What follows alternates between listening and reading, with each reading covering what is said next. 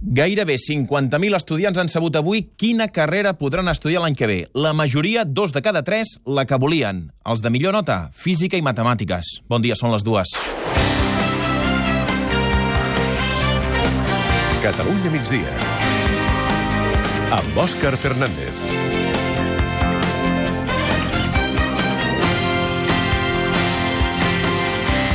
Avui és un d'aquells dies en què en moltes llars s'ha viscut la situació de nervis per tal de buscar quina és la nota de tall en les diferents estudis, en les diferents carreres que havien demanat els estudiants que ara fa uns dies van fer la selectivitat. És una tendència que ja fe de fa uns anys. El doble grau de física i matemàtiques és el que demana una nota més alta. Aquest any, un 13,352 a l'autònoma.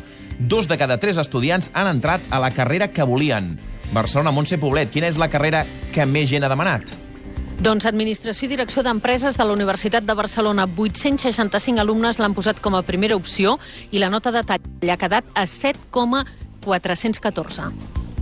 De seguida repassarem les notes de tall, les carreres més demanades, etc etc. Però en política, el president Carles Puigdemont ha descartat fer de moment cap més canvi en el govern després del cessament de Jordi Baget per haver expressat dubtes sobre el referèndum. Una destitució que ha justificat per la necessitat de generar confiança davant l'actual situació d'assetjament afirma per part de l'estat espanyol.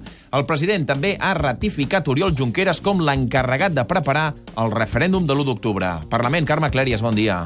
Hola, bon dia. Si el president ha volgut esvair dubtes sobre qui té l'encàrrec de preparar el referèndum, ho ha fet responent Xavier García Albiol que descobreixi avui que el senyor Junqueras té l'encàrrec del govern per preparar el referèndum que jo vaig anunciar a la qüestió de confiança del setembre de 2016, home, ha tardat una mica a donar-se'n, no?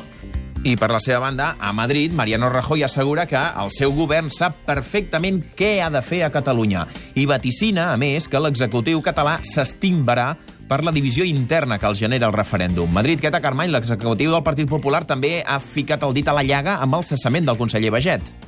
Sí, segons la vicepresidenta espanyola Soraya Sáenz de Santa María, la Generalitat està caient per un precipici. Sencillamente ese referéndum ilegal y divisivo con lo primero que van a acabar es con el gobierno de la Generalitat. El ministre de l'Interior, a més, augura que el Tribunal Constitucional aturarà el referèndum abans que el govern espanyol hagi d'actuar. I ja que parlem del govern espanyol, s'ha compromès avui a reubicar cada mes 500 refugiats més per mirar de complir amb el compromís adquirit en Brussel·les. I és que en gairebé dos anys Espanya n'ha recol·locat només 1.400 dels 17.000 que s'havia compromès a fer. Madrid, Àngels Lafuente, la vicepresidenta Sainz de Santa Maria, admet que cal un esforç addicional, però que la lentitud en l'acolliment és un problema compartit a tota la Unió Europea.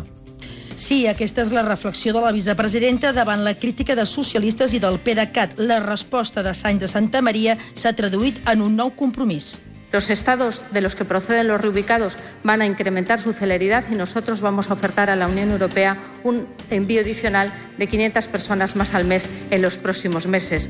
El termini per recol·locar els 15.849 refugiats compromesos amb Europa s'acaba el pròxim 26 de setembre.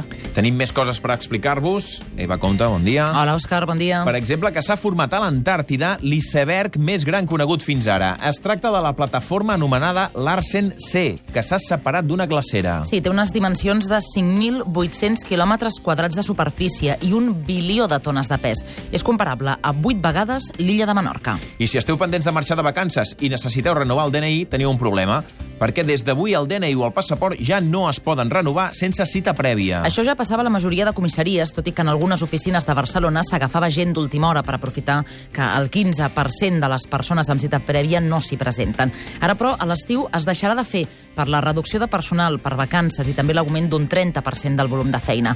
Malgrat això, el portaveu de la policia, Antonio Navarro, ha garantit en declaracions a Catalunya Ràdio que en els casos d'urgència demostrable es podrà fer una excepció. Però no hi ha cap cas urgent que no s'hagi atès. I sempre se busca un, un lloc, un moment, un forat, sigui on sigui, per aquesta persona que tingui una urgència demostrable no s'anirà sense el DNI i el passaport. I a més a més, avui, aquest matí, hem sentit per primera vegada la cançó de l'estiu de Catalunya Ràdio i TV3. Perquè tu, perquè jo, fets l'un per l'altre. Es titula Perquè tu, perquè jo i l'ha feta Guillemino. L'ha escrita al monestir de Poblet i formarà part del seu nou disc. Aquest matí ha presentat la cançó al matí de Catalunya Ràdio. La idea una mica és que la gent se la pugui contestar ella, la pregunta, Clar. no? Se la pugui fer, es pugui mirar als ulls i dir, doncs, perquè tu, perquè jo, el que sigui. Demà passat, Guillemino la presentarà en directe al programa especial de l'Estat de Gràcia, que es farà a Sant Feliu de Guíxols, al Baix Empordà.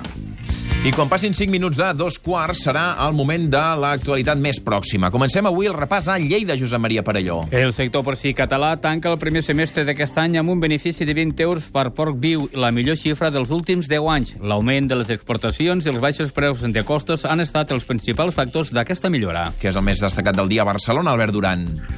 L'Ajuntament de Barcelona no concedirà la llicència per construir l'hotel de Drassanes, que havia generat una gran polèmica i al qual sempre s'havia oposat l'equip d'Ada Colau.